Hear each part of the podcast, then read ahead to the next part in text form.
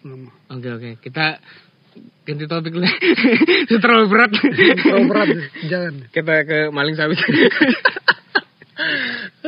Kembali lagi ke maling sawit Kalau maling sawit tuh gimana maling sawit?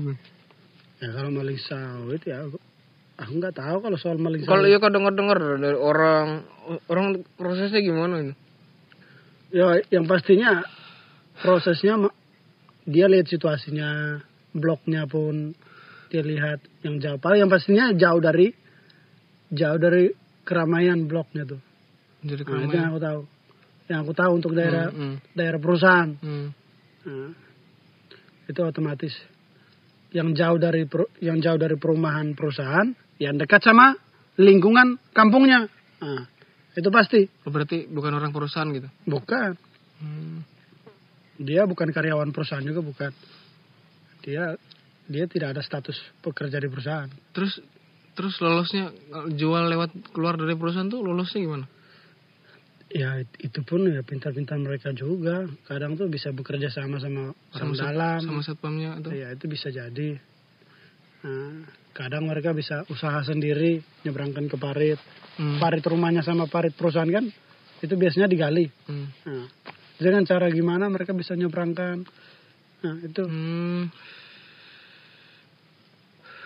Itu yang saya tahu yang saya tahu saya Kalau kalau sawit-sawit tuh setiap itu beda, sama kan misalnya harganya tuh loh. Sawit sawit suka jadi BSK habis itu Mustika itu anunya kan apa? Harganya sama beda gak sih? Sama apa beda? sama Per kilo sama gitu. sama cuma besarnya tuh nah Hmm.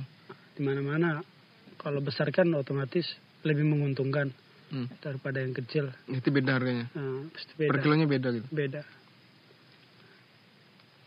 oh, makanya kalau daerah sana tuh kalau udah maling itu ah, hancur lahan-lahan udah nggak keurus jadi orang yang karyawan yang perusahaan giliran mau panen di situ Hmm. udah nggak ada buahnya habis udah pelepahnya berserakan nggak nggak disusun nggak apa kan Terus itu yang kena siapa yang kena?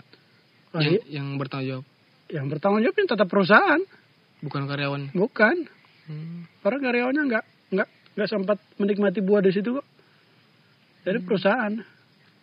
Ntar perusahaan sewa lagi oh, bayar bayar karyawan perusahaan situ suruh bersihkan ini rapikan itu pe- pelepah-pelepah yang berserakan. Nanti putaran berikutnya kembali lagi pelepah yang seperti itu lagi. Berantakan lagi dimaling orang lagi buahnya. Memang kita ikut-ikut ikut seperti itu memang hasilnya lumayan. Menggiurkan. Menggiurkan. Hasilnya besar.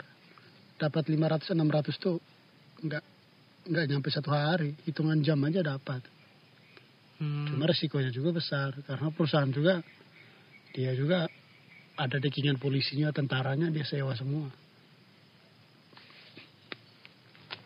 Jadi untuk daerah daerah Mustika satu itu sudah ya sudah berkurang lah sudah agak agak agak, agak berkurang lah nggak terlalu nampak karena perusahaan pun sudah pakai pakai brimo pakai polisi pakai tentara untuk jaga jaga jaga di area rawan maling itu termasuk itu kan Ah, kenapa? kan jaga di situ sekarang Di Mustika. iya Bukannya masih itu ya? Bukannya masih sekolah polisi? enggak udah Udah lulus. dia jaga di Mustika satu itu Berarti kau sering ketemu? sering aja Ya, di situ deh. Hmm, Kira masih sekolah biasanya di Instagram dia tuh. udah